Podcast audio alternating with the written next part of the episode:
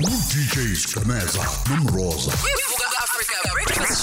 imbiko isiphakamiso imbono kanye nezethembiso okungenzeka sivele kule ngxoxo. Akuzona izokhozi FM nenhlangano yesabc ukhozi FM luhamba phambili.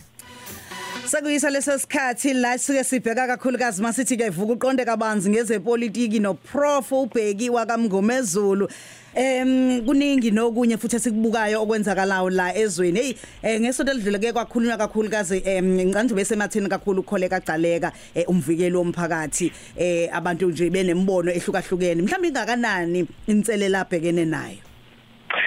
Eh eh, Mroza nawe sigcemeza nabalaleli benu incindezi izoba inkulu kakhulu eh kudadewethu lo ukholeka gcaleka ngoba kunezinto vele okuthe eqokelwa lesi sikhundla kwabe sekuvele kunembuzo. Abanye bazebenzisa ukuthi ngabe ngempela eh lo PP umele ukuthi upublic protector umvikelo womphakathi noma upresident's protector.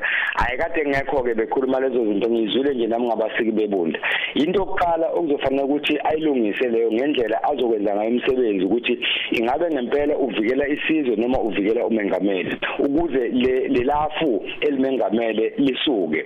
Eh okwesibili kube yindlela okusingathwe ngayo udaba eh luka mama ubusiso mkhwebane okuyena angena ecathulweni zakhe ukuthi lesi speed esingaka abahambe ngaso eh abafowethu aboqhubutile jantshi ingabe ngempela kade belandela umthetho weParliament noma kade befuna ukucaba indlela becabela udadewethu lokhola kagcaleka.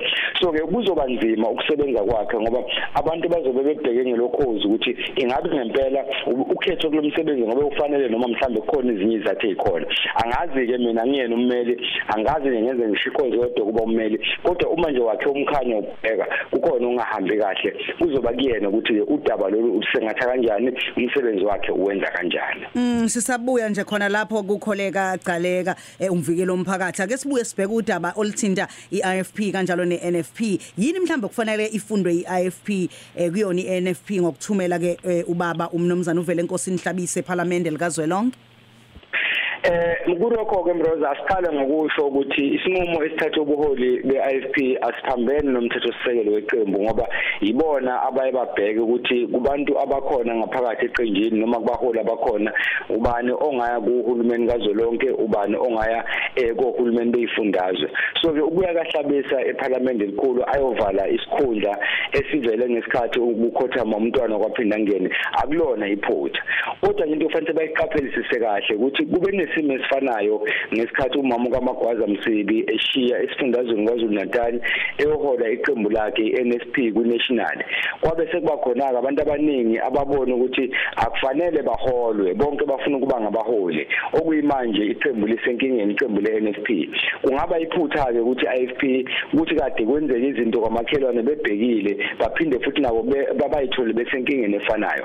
Enkonzo kusho la ukuthi abaholi beIFP abake balandele umthetho sisekelo weqembu bayeke ukufuna izikhundla noma ngabe sekuthiwane uma kukuthi khona umuntu okufanele avale isikhundla sika sikamhlonishwa uhlabisa akwenzeke lokho ngokuthula. Uhlabisa uma ekunational usewumholi weIFP okusho ukuthi kufanele bamhloniphe ngendlela bemhlonipha ngayo bese belandela umthetho sisekelo weqembu ukuze bakwazi ukuvala isikhala sakhe esifundazweni sakwaZulu Natal uma bengakwenzanga lokho bayithola bese inkingeni efanayo neNFP ibona ke abazo abazothatha isinqumo sokuthi yini abafuna ukuthi yenzeke? Ukuthi iqembu lishone phansi noma ukuthi iqembu lidlondlobale liye phambili ikakhulukazi njengoba kuyokhethweni lwango 2024 Sibuye size la kwiqembu leNC sichazana isinqumo seNC sokucela umnomzana uJacob Zuma ukube ke abe ingxenye ke yethimba eh elizokwazi ukuthi linxenxa abavoti ngonyaka ozayo prof.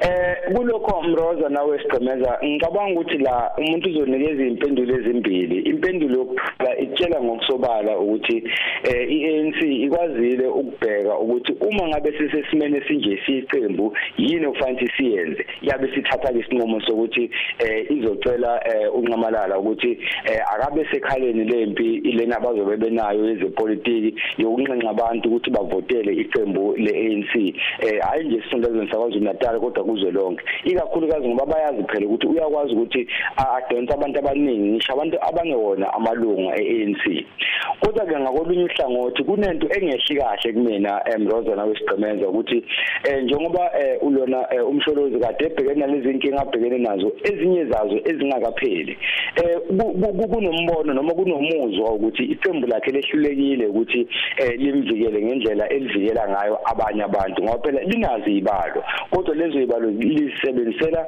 uku- ukuthi lihlenge impilo zabathile kodwa lehluleke ukwenza lokho. Bese ke ngicela ngokusho ukuthi yebo kuyiqiniso umthetho kufanele ulandelwe njengoba unjalo ungabikho kwenzelela kodwa ngendlela esiyisibone ngayo thina esuke singekho lapho ke inkantolo sibheka nje singaphandle ugcina uba nesithombe sokuthi umthetho ugcina unamehlo. Uma ukuthi into ithinta usigqemeza izokwenziwa ngenye indlela. Uma ithinta umngomezulu yenziwe ngenye indlela. Mhlambe ke lento le kufanele bayilungisise kahle ukuthi uma ngabe mina ngisenkingeni kuthatha isinqumo sokuthi iqembu alizukwazi ukungixhasa ngokulandela inqobomgomo yeqembu akwenzeke okufanayo nakusigqemeza kuningangikhumbuli ngoba seniseyinkingeni kuthi uma ngabe mina ngiseyinkingeni nithi hayi inkinga umngomezulu wazenza eyedwa usigqemeza abathinteki lapho. Ilezo zinto engicabanga ukuthi kufanele sizibhekisise kahle ukuthi yebo kuyiqiniso ukuthi u- unqamalala unamava ukuthi angalisiza iqembu kodwa lo mbuzo ukuthi iqembu lona liyakwazi ukumsiza uma ngabe isidingo sikhona. Ileyo mbuzo kufanele iqembu liziphendule kuyona. Prof siyabonga kakhulu ukuthi ube kanye nathi namhlanje sophinde futhi sihlangane ke ngokuzayo njengoba nje sikhuluma zona indaba ezithinta ke ezepolitiki. U DJ Skameza nomroza.